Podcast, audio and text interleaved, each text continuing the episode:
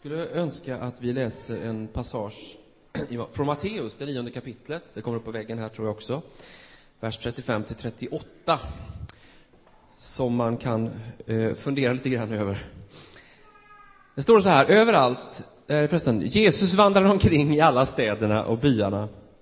Eh, och han undervisade i synagogorna, förkunnade budskapet om riket och botade alla slags sjukdomar och krämpor. När han såg människorna fylldes han av medlidande med dem, för de var illa medfarna och hjälplösa som får utan herde. Och han sa till sina lärjungar, skörden är stor, men arbetarna få. Be därför skördens Herre att han sänder ut arbetare till sin skörd. Tack Jesus att du är mitt ibland oss. Vi är i din närvaro och vi är beroende av dig, helige Ande. Tack att du skapar liv i oss, formar oss, eh, utmanar oss, förnyar oss. Tack att du ser vad vi bär på just nu, men vi ber att vi ska få lägga allt vid ditt kors eh, den här stunden och, få vara i din närvaro tillsammans med varandra. Amen. Det som vi läste nu är ju egentligen en liten beskrivning av sånt som eh, som, som vi skulle kunna säga att vi ser omkring oss idag. Alltså människor som lider, så har det varit genom alla tider. Eh, människor som är illa medfarna, eh, sjukdomar, eh, krämpor, eh, ensamhet och utsatthet och så vidare. Så att det, det som jag fastnar för den här texten, eller som jag hakar upp mig lite grann på när jag läser det här, det är det där märkliga att Jesus och hans lärjungar ser all nöd. Och då tänker jag, ja men då är det bara att springa ut och hjälpa så många som möjligt. Vad väntar ni på? Och så säger Jesus så här. Be att skördens Herre ska sända ut arbetare till sin skörd. Och det är ju naturligtvis så att den här gruppen av människor, lärjungar med Jesus i spetsen, egentligen bara kan sätta igång och arbeta. Men Jesus ger en väldigt, väldigt viktig utmaning till sina lärjungar. Istället för att säga skynda er ut, försök att göra någonting här nu, plåstra om, mätta, gör vad ni kan, så säger han det som är helt avgörande för allt arbete som har med evangeliet att göra och eh, mänsklig omsorg, nämligen Be. Be att skördens Herre sänder ut dig som arbetare. Och vi kan tycka att det känns lite tillkrånglat. Vadå? När världen lider, det är bara att gå ut och göra så mycket man kan, och det ska vi ju. Men vår förmåga, skulle jag vilja påstå, att leva i en typ av hjälpverksamhet, hjälpa, hjälpa människor i nöd, eh, finnas till på olika sätt för människor, är ju begränsad. Alltså vi kan på bara ångorna av att se alla människor som strömmar till vårt land, alla behov, så kan vi ju lätt springa många mil för att hjälpa människor, eller hur? Och det är, det är ju fantastiskt att så många, vi ser så många människor som gör massa nyttiga saker. Det är ju perfekt. Det är ju underbart att Sverige består av människor som är villiga att göra goda gärningar, inte bara i Sverige utan i Europa, hela världen. Fantastiskt. Men det finns en viktig poäng i att fundera kring, be om och försöka förstå vilken utgångspunkt som jag har i min tjänst i Guds rike. Nöden är stor, arbetarna är få, skörden är mogen, men frågan är inte om jag kanske vill, utan vad är min utgångspunkt? Vad är mitt liv laddat med? Vad är det som sänder mig ytterst sett ut? Vilka är motiven? Alltså varken de behov vi ser, vår längtan efter frid med Gud, våra stora gåvor och förmågor, så att säga, grupptryck eller annat, är ett hållbart motiv i längden för att hjälpa människor. Och observera att jag säger i längden, för det långa loppet. Därför att springer vi på ångorna utan att vi faktiskt är laddade och ytterst sett faktiskt är sända i Jesu kärlek, så kommer vi inte orka. När krafterna tar slut, när inspirationen mattas, när tidningarna slutar skriva om katastrofen, när vi ser att tiden går, helt plötsligt så tar vi ett steg tillbaka in i vår comfort zone. Jag har sett i mitt eget liv. Vi har stått på barrikaderna och känner nu ska vi förändra världen. Det är helt fantastiskt att få ha den känslan. Och så springer man ut och, och så efter ett tag så börjar man glömma bort vad det var som gjorde att man en gång gick. Och det är som ett återkommande tema i mitt liv. Att jag glömmer bort vad det var som fick mig att en gång gå.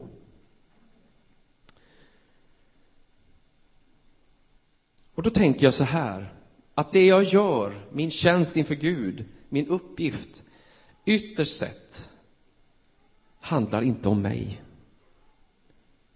Alltså det är inte jag som ska vara förträfflig och god, givmild, en ängel. Det handlar inte om mig. Jag är inte världens centrum.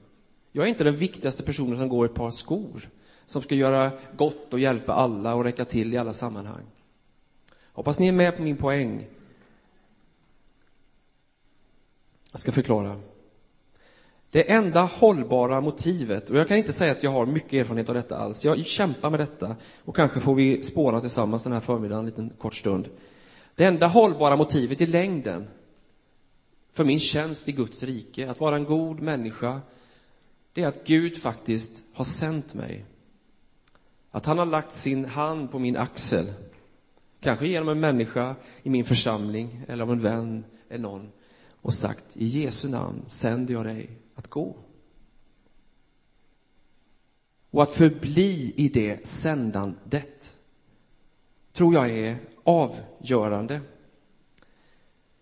Kallelsen, ytterst sett, är inte att gå. Kallelsen är egentligen att komma till Jesus. Och utifrån det, när vi är i Jesus Kristus med hela vår varelse, våra liv, så säger han gå. Lev i min kärlek. Ge den färg och form med din personlighet, med ditt hjärta. Vårt övergripande uppdrag är att leva Jesu kärlek här på jorden som ett vittnesbörd och att genuint, ärligt och kreativt i allt vi är och gör tillsammans med alla troende måla en bild av Guds kärlek. Alltså vara precis det vi sjöng nyss, en lovsång. Inte som vi sjunger bara med läpparna, utan som är ett liv. Moder Teresa, i de här frågorna så känner jag ett visst förtroende för Moder Teresa. Ehm, jag vet inte hur du gör, så varför inte citera henne? Hon säger så här. Jag hajade till lite grann när jag läste det först.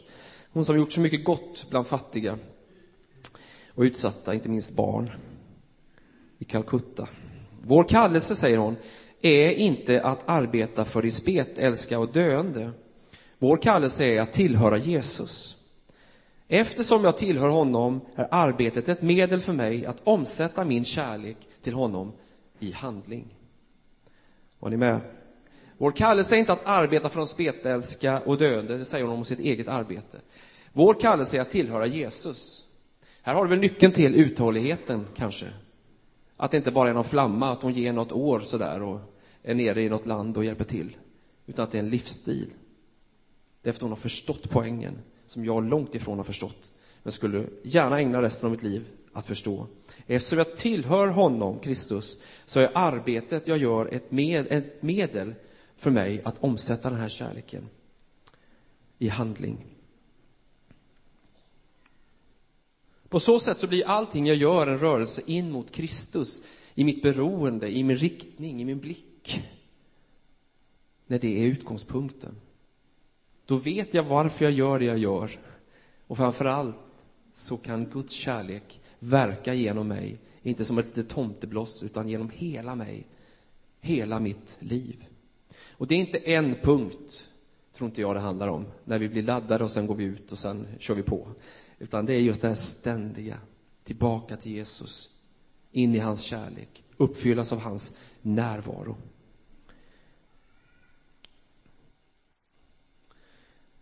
För att i en tid när det finns så mycket som måste gå snabbt, kvickt, för att vi inte ska liksom känna att vi kommer i otakt med tiden, vi blir snabbt omoderna. Ehm, det vet man ju när man har barn hemma. Jag tycker att jag är up to date när det gäller så mycket. Vilket visar sig att jag inte är alls. Jag tycker jag sjunger moderna sånger och min dotter flyr för livet. Tycker att det här går ju inte. Tiden går fort. Ehm, Men för den sakens skull så finns det alltid tid för att stanna upp, att vara i Kristus. Och ibland handlar det om att i steget vara i Kristus såklart, men också ibland, kanske i en situation i ens liv, backa bandet lite grann. Var är jag någonstans och vart är jag på väg? Det finns alltid tid för det. För alternativet att bara springa på och till slut som sagt inte veta vad jag gör, det är inte bättre.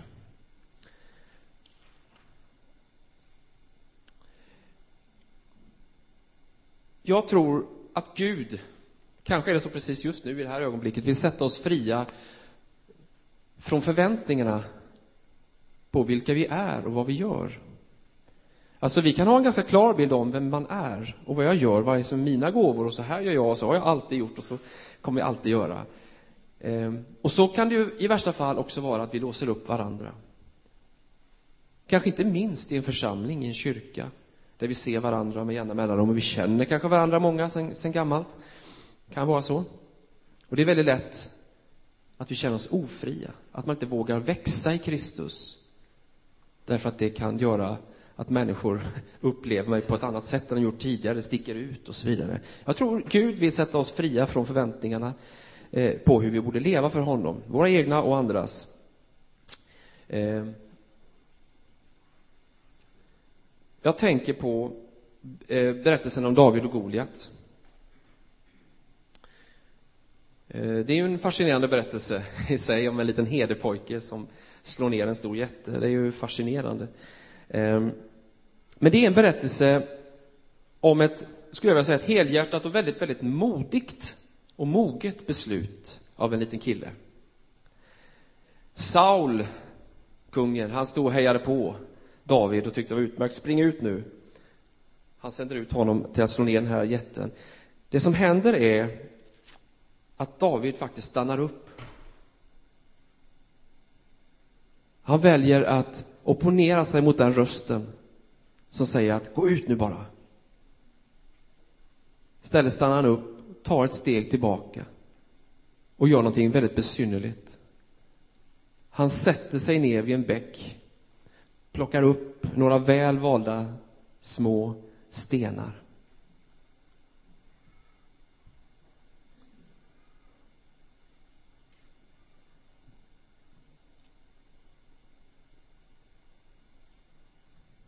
Det var som att han försökte hitta sin, sin ton, sin identitet, sin väg, Guds röst i de här stenarna. Nu är det ju en makaber berättelse när en människa har ihjäl en annan varelse. Men ni förstår. Att istället för att bara springa på så stannar han upp, plockar upp de här stenarna. Och då kan man fråga sig, vilka stenar är våra, om vi nu skulle använda den makabra bilden, i vår tjänst? Sätter vi oss ner vid en bäck och funderar och ber Gud hjälpa oss att hitta våra redskap, och jag skulle vilja använda begreppet ton, alltså vår ton, vårt anslag, vår personlighet i Kristus. David bar en egen ton i sitt hjärta.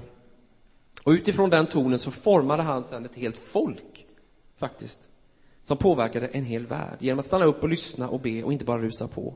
Han var inget helgon, David var verkligen inget helgon. Det kan vi läsa om. Han gjorde mycket tokiga saker. Men han var desperat beroende av Gud. Och därför så reste Gud upp honom till den han fick vara. Inte på grund av meriterna, men på grund av hjärtat och överlåtelsen.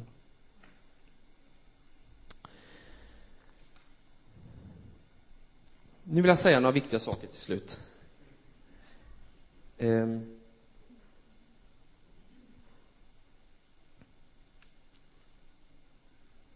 Jag tror att rätt ton i våra hjärtan, alltså Guds eget hjärta i vårt hjärta, när vi hittar det så kan det också flytta berg. Därför att då ligger inte kraften i våra spända muskler, utan vi släpper garden och lyssnar och formas och växer i vår tro. Det står i psalm 40, den kommer säkert upp här också, eh, någonting som är väldigt slitet kanske, men också som är, är författat av David. Han la i min mun, lyssna nu, alltså, Gud har lagt en ny sång i min mun, säger David. En lovsång till vår Gud. Och så säger han, många ska se det och bäva och sätta sin lit till Herren. Alltså Gud har skapat någonting i oss, lagt ner en ton från sitt eget hjärta, från himlen, i varje människa. En ny sång. Inte den sång som man kanske av gammal vana alltid har sjungit och slitit på, utan det är en ny ton. En ton som bara är möjlig att fullt upptäcka om man är född på nytt. Om han har dött i Kristus och uppstått med honom. En ton som inte tar slut, som inte går över. Jag sa igår att jag, jag envisas med att använda en liten hashtag eller ett uttryck som även har döpt en samlingsskiva till. Sången ska aldrig tystna. Och då tänker ni så här att sången kan visst tystna. Min sång har tystnat. Ja, min med. Men det är inte slut där. Det är inte slut där. Gud ger inte upp. Han fortsätter att skapa och envist väntar, längtar och hjälper oss att hitta tillbaka till vår ton. Jag vet inte alls vad du har för erfarenheter med dig hit idag. Kanske är det så att du har varit länge i tron och känner att du inte riktigt vet längre varför du började gå en gång. Då ska jag säga en sak till dig. Du är inte unik. Du är inte unik. Jag är en av dem som faktiskt ibland undrar vad var det som gjorde mig till en Jesu lärjunge? Varför gick jag en gång? Och jag har grottat ner mig i det här, jag har sörjt över detta, jag har bearbetat det och jag kommer att få göra det resten av mitt liv. Men jag har kommit fram till det, att det handlar inte om mig.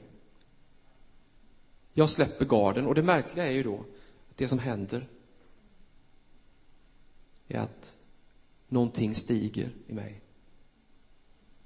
Det kan låta som en romantiserad bild av någonting och allt blir bra till slut. Men jag tror att det är så, när vi ibland är försvarslösa och är på vår botten, så är inte det botten, utan Jesus är på den botten.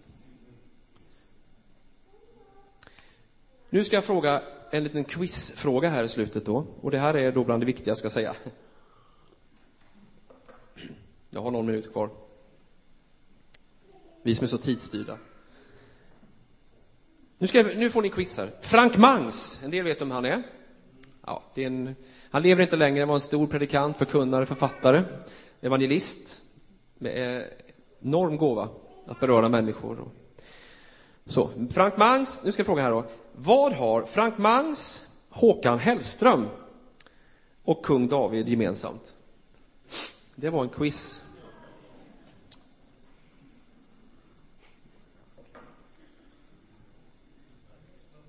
Vad har de gemensamt? Ja. Det är lite som fem myror är mer än tre, det här, fyra elefanter här när man, fel, fel, fel, fel, fel. Så jag ska inte be er svara. Eh, det kan finnas flera bra svar. Jag tror så här. Frank Mangs eh, var en väldigt känslig förkunnare. Han hade en väldigt speciell gåva, en speciell ton. Och jag vet att det hände mer än en gång i stora, stora samlingar, alltså till och med större än den här, när han skulle gå fram och predika och alla satt liksom och bara laddade liksom och nu kommer Frank Mangs, den store förkunnaren. Och så känner han bara att jag kan inte. Jag kan inte. Jag har inget att säga. Jag kan inte säga någonting. Och så sitter han, eller så står han där och bara är tyst. Ni kan ju förstå den känslan. Så sätter han sig vid flygeln borta hos Anton. Och så börjar han spela lite grann. Så känner han hur någonting av Guds ande kommer in i lokalen och fyller honom. Och sen börjar han predika. Han hade sin ton men han var tvungen att hitta den. Håkan Hellström.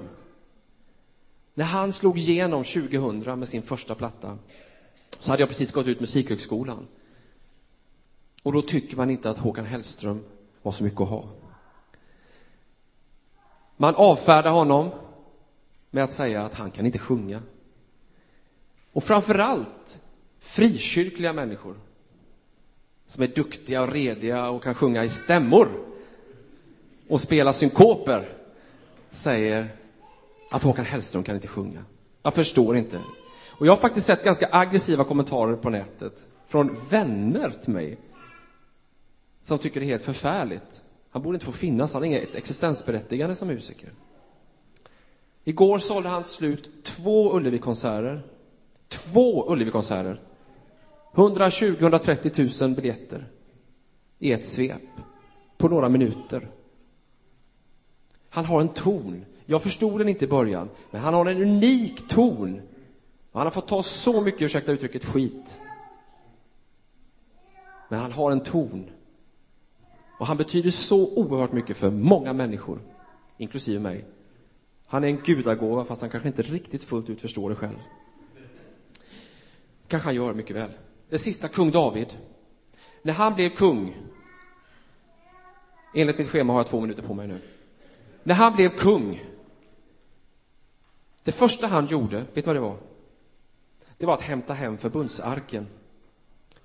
Alltså, den som hade följt Israels folk genom hela vandringen, som är ett tecken på Guds närvaro. Alltså, han kunde inte agera som kung, göra någonting i sin tjänst som kung, utan Guds närvaro. Det är det första han gör. Och dessutom, när han hämtar hem den så gör han någonting anmärkningsvärt. Han beter sig, han dansar, sprattlar, sjunger, hoppar som den kung han är. Och det får han mycket, ursäkta uttrycket igen, skit för. Bland annat av Salomos dotter, som säger, hur kan du som kung bete dig på det här sättet? Hålla på och fjompa dig och dansa runt. Vet du inte vem du är? Då säger han, jag vet mycket väl vem du är. Men jag dansade inför Gud. Förstår ni? Inte inför människor för att visa upp något. Jag dansade inför Gud. Han var fri i detta. Frank Mangs, Håkan Hellström och David har en, en unik ton. Det har du och jag också. Eh, vad jag vill komma åt är egentligen bara en sak.